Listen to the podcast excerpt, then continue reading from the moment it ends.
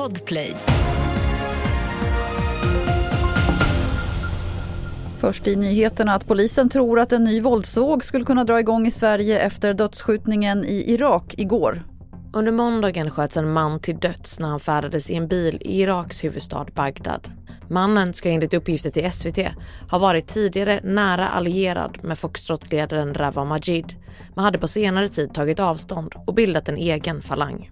Och polisen i Sverige befarar nu att mordet kan utlösa hämndaktioner och enligt Aftonbladet rustar nu polisen med förstärkta resurser i Stockholm och Uppsalaområdet. Enligt lokala medier har en svensk medborgare gripits i Irak misstänkt för mordet. Reporter här var Alexandra Li Letterfors.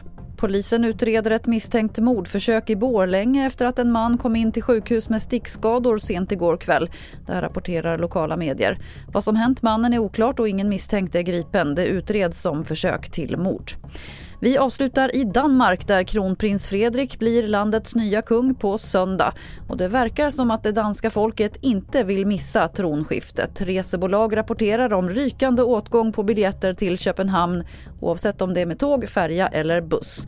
Klockan 15 på söndag ska kronprinsen utropas till kung på Kristiansborg. Fler nyheter finns på tv4.se. Jag heter Lotta Wall.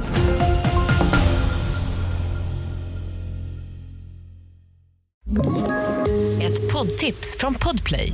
I fallen jag aldrig glömmer djupdyker Hasse Aro i arbetet bakom några av Sveriges mest uppseendeväckande brottsutredningar. Går vi in med hemlig telefonavlyssning och, och då upplever vi att vi får en total förändring av hans beteende. Vad är det som händer nu? Vem är det som läcker?